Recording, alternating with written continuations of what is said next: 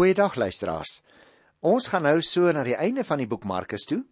Ons moet nog so 'n klein stukkie doen hier uit die 14de hoofstuk en dan gaan ons verder. Maar kom ons begin sommer dadelik. Vir mense wat die eerste keer inskakel, wil ek baie spesiaal welkom sê. As jy dink wat doen ons nou eintlik hier in ons program Die Bybel vir vandag? Ons is besig om die Bybel deur te werk van Genesis tot Openbaring en ons is byna aan die einde van die evangelie van Markus. Dis maar die tweede boek in die Nuwe Testament wat ons doen en ons het ook die eerste twee boeke in die Ou Testament alreeds gedoen. Ek is by Markus hoofstuk 14 vers 22, die instelling van die nagmaal. Terwyl hulle eet, het Jesus brood geneem en die seën gevra. Daarna het hy dit gebreek en vir hulle gegee met die woorde: "Neem dit. Dit is my liggaam."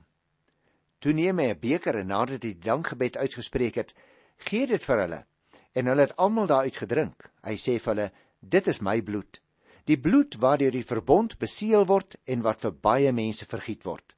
Dit verseker ek julle, ek sal nie weer wyn drink tot op daardie dag wanneer ek die nuwe wyn in die koninkryk van God drink nie." Nou dis 'n interessante gedeelte, ek wil net baie kort daaroor gaan. Markus het die instelling vir die nagmaal opgeteken wat vandag nog in die eredienste gevier word. Die tydspan van hierdie ete is eintlik versprei oor 4 bekers wyn heen. By die tweede beker wyn het Jesus die brood gebreek en uitgedeel om saam met die paaslam geëet te word. En toe het hy die nagmaal ingestel as gedagtenis aan die betekenis van sy dood. Nou natuurlik sou die disippels op hierdie stadium dit nie presies verstaan het nie. Want hulle het eintlik gekom om die Pasga te vier en nou verander die Here Jesus in 'n sekere sin die Pasga in die nagmaal. Die wyn en die brood het van toe af simbole geword vir die Christene van die liggaam en die bloed van die Here Jesus. Hy het met ander woorde die brood en die wyn gebruik om vir hulle die ware betekenis van dit wat hy aan die kruis sou doen te verduidelik. Hoewel dit waarskynlik nie verstaan het nie. Die betekenis is nakies luisteraars van die Paasmaaltyd word vir ons spesifiek uitgespel in 1 Korintiërs by die 11de hoofstuk vers 23 tot 29. Nou Jesus bring die betekenis van die bloed in verband met Eksodus 24 daar by die 8ste vers waar die offerbloed op die volk gesprinkel is as 'n bevestiging van die verbond. Jesus se dood beteken dus die bevestiging van 'n nuwe verbond. Jesus se dood is nie die einde nie, maar dis maar slegs die begin van 'n wonderlike nuwe ervaring vir gelowiges wat die ewige lewe finaal beerwe het deur dit wat hy gedoen het. Maar nou kry ons die klein tussenverhaaltjie van Petrus wat die Here Jesus sal verloon. Luister bietjie by vers 26. Nadat hulle die lofsang gesing het, het hulle uitgegaan na die Olyfberg toe. Nou om die Paasmaaltyd mee af te sluit, het hulle nou as lofsang waarskynlik gesing uit Psalm 116, want dit was 'n baie gewilde een, of miskien Psalm 117, miskien selfs Psalm 118. En nou gaan hulle uit na die Olyfberg toe. Vers 27 toe sê Jesus vir hulle: "Julle sal almal van my afvallig word. Daar staan immers geskrywe: Ek sal die herder doodmaak en die skape sal uitmekaar gejaag word. Nou is dit baie maklik om te dink dat die bose die oorhand gehad het in hierdie drama wat hom uh, hier rondom die dood van die Here Jesus afgespeel het. Ons sien egter luisteraars dat God steeds in beheer is. Die duiwel het nie sommer nou maar net oorgeneem nie. Hy is steeds, die Here is steeds in beheer selfs wanneer die seun van God aan die kruis sterf. Dit is God die Vader se reëling vir die vrymaking en die redding van sondaars. Satan het dus beslis nie 'n oorwinning behaal nie, want alles het presies verloop soos wat God die Vader dit beplan het. God bly in beheer in hierdie tafereel van die geskiedenis wat nou besig is om 'n klimaktiese hoogtepunt te bereik. En tussen hakies, dit is die tweede keer daardie aand dat Jesus voorspel het dat die disipel een van hulle hom sou verloon en die rug op hom sou keer. En dit is waarskynlik die rede vir hulle heftige reaksie wat ek net nog gaan lees daar in vers 31.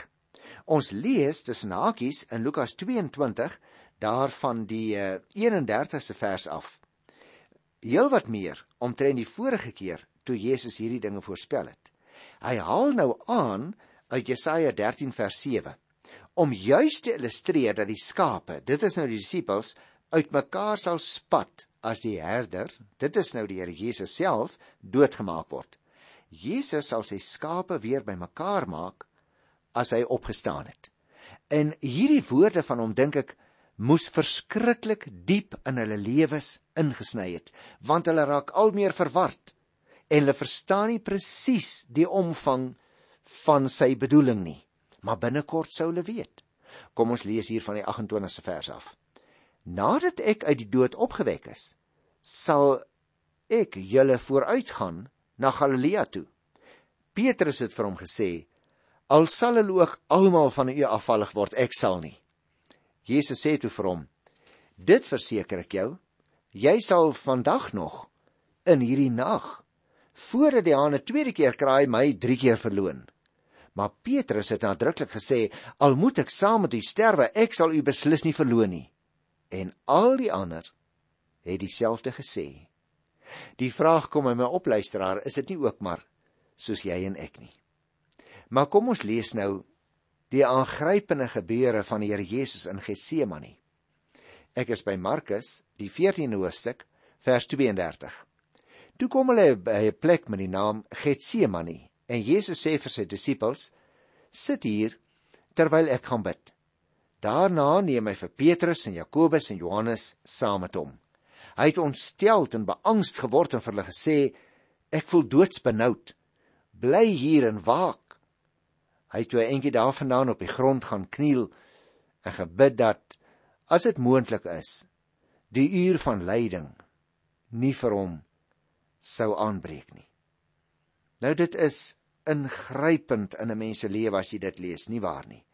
Jesus en sy disippels het meer as een nag in Getsemane, tussen hakies dit beteken oliepers, deurgebring. En daarom het Judas ook geweet waarom hom later te kry daar in die tuin. En Jesus gaan vrywilliglik. Hy sou op hierdie punt kon sê maar maar Hemelse Vader, ek wil nie gaan nie. Maar hy druk deur maar hy is benoud. Hy is om die waarheid te sê doodsbenoud staan daar. Vers 36 hy het gesê Abba Vader alles is vir u moontlik. Neem hierdie lydensbeker van my al weg. Moet nogtans nie doen wat ek wil nie, maar wat u wil. Hy kom toe terug en hy kry die drie aan die slaap en vra vir Petrus: "Simon, slaap jy? Kon jy nie eens 1 uur lank wakker bly nie?" Julle moet waak en bid sodat julle nie in versoeking kom nie.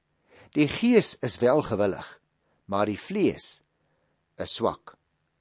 Jy sien die Here Jesus het baie goed geweet watter prys hy sou moes betaal om die Vader se wil te laat geskied. Hy het geweet watter ontsettende lyding daarop hom gewag het. En hy wou dit mensliker gewys nie graag verduur nie. En en nogtans bid hy. Maar wat bid hy? Moet nogtans nie doen wat ek wil nie, maar wat u wil. Jy sien, Jesus weet hy moet die toorn van God dra oor die sonde van die mense. Daarom is hy nood doodsbenoud, maar hy gee homself aan God se wil oor. Dat die disippels aan die slaap geraak het, beklemtoon juis deur Jesus se totale alleenheid. Alleen moet hy die volle prys vir jou en vir my sonde betaal. Vers 39. Hy het weer gaan bid in dieselfde gebed as voorheen uitgespreek. Hy kom toe terug en kry die 3 weer aan die slaap, want hulle was baie vaak. Hulle het nie geweet wat om hom te antwoord nie. Luisteraar, wie ek sou ook nie geweet het nie. Dat die Here my 'n tweede keer vra om te waak en te bid en ek doen dit nie. Kan jy dit glo?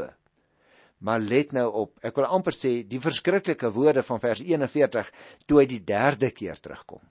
Sê hy vir hulle: Slaap en rus julle nou nog. Dit is genoeg, die tyd het gekom. Die seun van die mens word in die hande van die sondaars oorgegee. Staan op. Kom ons loop. Kyk, die man wat my verraai is hier naby. O, die Here Jesus soek in eensaamheid nog eens by sy Vader hulp, bystand, onderskraging deur die gebed. As mens was hy sekerlik gespanne al het hy geweet dat hy in die hande van sy Vader is. Maar nog steeds bly dit vir hom verskriklik moeilik. En nou kry ons die aangrypende gebeure van sy gevangeneming. Vers 43, Markus 14. Op daardie oomblik terwyl Jesus nog praat, kom Judas, wat een van die 12 was, daaraan met 'n klomp mense met swaarde en stokke. Hulle is deur die priesterhoofde en die skrifgeleerdes en die familiehoofde gestuur. Die verraaier het met die mense 'n teken afgespreek en hy het gesê: "Die een wat ek sal soen, dit is hy. Gryp hom en vat hom weg. Moenie dat hy ontsnap nie." Toe hy dan daar aankom, het hy reguit na Jesus toe gegaan en gesê: "Rabbi," en hom met 'n soen gegroet. Die ander het vir Jesus gegryp en hom gevange geneem. Nou uh luisteraar 'n hele groep tempelwagte gewapen met swaarde en kieries, seker waarskynlik so iets soos knippels, as ook 'n paar Romeinse soldate, so vertel Johannes vir ons in Hoofstuk 18 vers 3, het saam met Judas gegaan om Jesus gevange te neem staan hier en hom vir sy verhoor aan die Joodse geestelike leiers oor te gee. Die geestelike leiers het toe beveel dat Jesus gearresteer moes word en Judas sou as amptelike uitkenner van die Here Jesus optree. Hy is as ware die gids vir hierdie klomp Jode. Dit was algemene gebruik natuurlik dat 'n rabbi en sy studente mekaar soen. So dit is niks vreemds as ons dit hier in die Bybel lees nie. Maar nou, luister nou by vers 47. Een van die wat daar bygestaan het, het 'n swaard uitgepluk, daarmee na die slaaf van die hoë priester geslaan en sy oor afgekap. Jesus sê toe vir die mense: "Het julle met swaarde en stokke gekom om my gevange te neem asof ek 'n rower is? Dag vir dag was ek by julle besig om die mense in die tempel te leer en julle het my nie gevange geneem nie. Maar die skrif moet in vervulling gaan." Nou luisteraar, as jy sou gaan kyk in Johannes 18 vers 10, was dit Petrus wat sy swaard uitgetrek het. En volgens Lukas 22 vers 51 het Jesus die man se oor onmiddellik weer genees. Die bedoeling was waarskynlik dat hy verdere bloedvergieting wou voorkom. Nou dit is natuurlik moontlik dat Petrus na die slaaf se keel gemik het. Die vraag is ook hoekom het hy 'n swaard by hom gehad? En die waarskynlike verklaring is dat hy dit sou wou gebruik die volgende dag vir die slag van 'n paaslam. Maar nietemin, laat ons nie spekuleer nie. Vers 50 sê: Toe het al sy disippels Jesus in die steek gelaat en weggehardloop. Kan jy dit glo? Enkele ure tevore nog het Jesus se disippels gesweer dat hulle hom nooit in die steek sou laat nie. En nou vlug hulle almal weg. Hulle hardloop eenvoudig weg. Ek dink jy en ek moet hand in eie hart steek hoor want doen ons dit nie ook maar baie kere nie. In plaas van 'n getuie te wees, in plaas van in te staan in die Here se saak te stel en te verdedig, hardloop ons weg. Maar let op hierdie opmerking, vers 51. 'n Sekere jong man is saam agter Jesus aan met net 'n doek om sy lyf. Die mense gryp hom toe, maar hy het die doek gelos en kaal weghardloop. Nou luister as daar's al boeke geskryf oor hierdie man. Volgens oorlewering is dit heel moontlik dat die jong man Johannes Markus met ander woorde die skrywer van hierdie evangelie was. Ons weet nie finaal nie, maar dit is uh wat die meeste ouens aanvaar. Nie een van die ander evangelieskrywers noem hierdie insident nie. Nou daarom word juis die afleiding gemaak omdat Markus wel na die insident verwys, maar hy praat van 'n sekere jong man omdat hy homself waarskynlik nou nie op die naam wou noem nie. Nou moontlik het Markus net uit die bed opgestaan om saam met Jesus hulle Getsemane toe te gaan en het daarom nog nie onderklere aangetree nie. Maar hoe sal ons nou weet? Die volgende opskrifie is Jesus voor die Joodse raad. Mag ek net enkele opmerkings eers oor hierdie volgende perikoop maak. Die verhoor uh van die Here Jesus deur die Joodse Raad geskied eintlik in twee fases. Jy moet 'n bietjie oplet daarna. Daar is as 'n ware wat ek sou noem 'n voorondersoek deur 'n kleiner groep en dit het plaasgevind gedurende die nag. Johannes vertel in sy evangelie in die 18de hoofstuk van vers 12 tot vers 24 daarvan. En dan natuurlik die tweede ronde wanneer die volle Joodse raad met dagbreek vergader het. Lukas vertel vir ons daardie verhaal uh in Lukas 22 van die 66ste vers af. En deur Jesus sou uiteindelik aangekla word van godsdienstige laster. Ek wil ook nog net in hierdie verband, ek is bang ek vergeet later, 'n opmerkingie maak uh, spesifiek oor die Here Jesus se verhoor. Want jy moet onthou, die Here, die Here Jesus is van Getsemane af na die huis van die hoë priester Kajafas toe geneem. En daar het sy verhoor eintlik eers begin. En daarvandaan is hy gestuur na Pontius Pilatus, die Romeinse goewerneur. En Lukas vertel vir ons dat Pilatus hom na Herodes toe gestuur het aangesien hy op daardie tyd tip in Jerusalem waarskynlik in een van sy twee paleise was.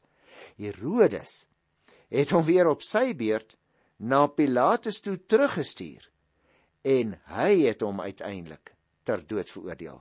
En dit is tussen hakies wat die Afrikaanse spreekwoord ook vandaan kom. Ek word gestuur van Pontius na Pilatus, met ander woorde van die een na die ander, uh, en ek kry nie regtig uitsluitsel oor my saak nie. In hierdie geval het Pilatus uiteindelik uh, Here Jesus ter dood veroordeel. Kom ons lees dan nou hier by uh, Markus 14 by vers 53. Hulle het die Here Jesus toe weggelei na die hoë priester toe. Die priesterhoofde en die familiehoofde en die skrifgeleerdes het almal daar saamgekom. Petrus het op 'n afstand agter Jesus aangegaan tot binne in die binnehof van die hoë priester se woning. Daar het hy hom saam met die wagte by die vuur gesit en warm maak. Die priesterhoofde en die hele Joodse raad het geprobeer om 'n aanklag teen Jesus te kry om hom dood te maak. Maar hulle het niks gekry nie. Nou mens kan dit verwag het, hè. Maar maar let nou op. Hoewel die Romeine op daardie stadium oor Judea geregeer het, was die Jode natuurlik nog steeds vry om oor minder ernstige godsdienstige en burgerlike sake te beslis die die hoogste Joodse gesag was bekend as die Joodse Raad of as die Sanhedrin. En ek dink ek het reeds vir julle vertel toe ons Matteus se evangelie behandel het, die Sanhedrin bestaan uit 71 Joodse geestelike leiers. Daar is aanvaar dat die mense wat immers godsdienstige leiers was, regverdig sou optree. Ons sien egter in die gebeure wat nou gaan plaasvind, dat hulle glad hulle nie aan die reg en geregtigheid gestuur het in die geval van die Here Jesus se verhoor nie. Hulle het reeds vooraf besluit om hom uit die weg te ruim. Ons het heelwat van daardie berigte gelees toe ons hierdie evangelie behandel het. Hulle vooroordeel teen hom was so groot dat hulle selfs leuns teen hom in die hof laat vertel het. Jy sal dit kry in vers 57. Ons gaan nou nog daarby kom. Hulle het net 'n gangbare klag probeer formuleer om Jesus voor Pilatus te laat verskyn. Dit was nodig dat ten minste twee persone dieselfde getuienis teen Jesus moes lewer en dan is dit gehandhaaf voor die hof van die Jode in daardie tyd. Daarom was twee getuies belangrik en dit was ook genoeg. Kom ons lees nou verder hier van die 56ste vers af. Baie mense het vals getuienis teen hom afgelê, maar die getuienis het nie ooreengestem nie. Sommige van hulle het na vore gekom en vals getuienis teen hom afgelê deur te sê: "Ons het hom hoor sê: Ek sal hierdie tempel wat deur mense gemaak is, vernietig en binne 3 dae 'n ander een bou wat nie deur mense gemaak is nie." Maar ook hieroor het hulle getuienis nie ooreengekom nie. Toe het die hoë priester in die raad opgestaan en Jesus begin ondervra. "Verweer jy jou glad nie?" het hy gesê. "Wat van die getuienis wat hierdie mense teen jou inbring?" Nou, hierdie klag luisteraars was natuurlik heeltemal vals en die mense wat valslik teen Jesus getuig het, het sy woorde ook heeltemal verdraai. Hy het nooit gesê dat hy die tempel sou afbreek nie, maar breek hierdie tempel af en in 3 dae sal ek hom oprig. Gaan kyk gerus weer in Johannes 2 vers 19. Jesus het nie na Herodes se tempel verwys nie, maar na sy eie liggaam se dood en opstanding. En sommige lede was tog onseker of Jesus dit werklik gesê het.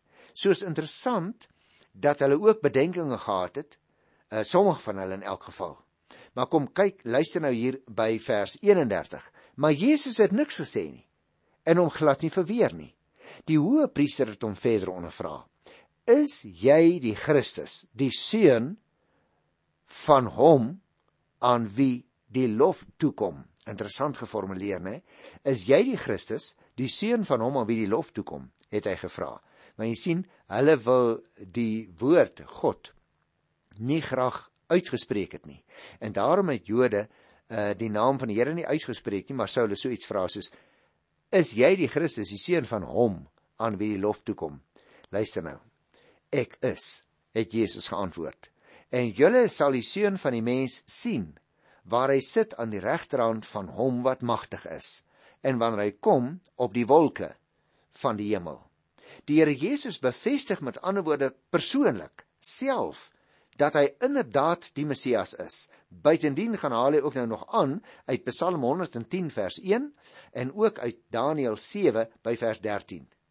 Om daarmee net te sê dat hy die Messias is, is dus reeds genoeg om die doodstraf te verdien. Maar hy ontken nie. As hom pertinent vra, "Is u die seun?" dan sê hy, "Ja, dit is ek." Kom ons lees hier van vers 63 af. Toe skeur die hoë priester uit verontwaardiging sy klere en sê: "Waarvoor het ons nog getuies nodig? Julle het die godslastering gehoor. Hoe lyk dit vir julle? Hulle het hom eenparig veroordeel. Hy verdien die dood. Party van hulle het begin om op hom te spoeg. Hulle het sy oë toegebind, hom met die vuis geslaan en vir hom gesê: "Profeteer 'n bietjie." Ook die wagte het hom geklap toe hulle hom wegvat. Nou luisteraars, ek dink 'n mens sou vermoed dat die hoë priester en die ander godsdienstige leiers die Messias sou erken, aangesien hulle immers die skrif deur en deur geken het. Hulle was immers veronderstel om die mense na God toe te lei, maar hulle was so behep met hulle eie interpretasies en gesag dat hulle eenoogigheid hulle eenvoudig verblind het. Interessant. Kajafas doen wat 'n hoë priester nie mag gedoen het nie. Soos voorgeskryf deur Levitikus 10 vers 6, naamlik hy skeur sy klere as teken van rou. En toe word die Here Jesus eenparig veroordeel en mishandel. Kom ons doen die laaste stukkie hier in die 14de hoofstuk van Markus. Vers 66. Die opskrif is Petrus verloon Jesus.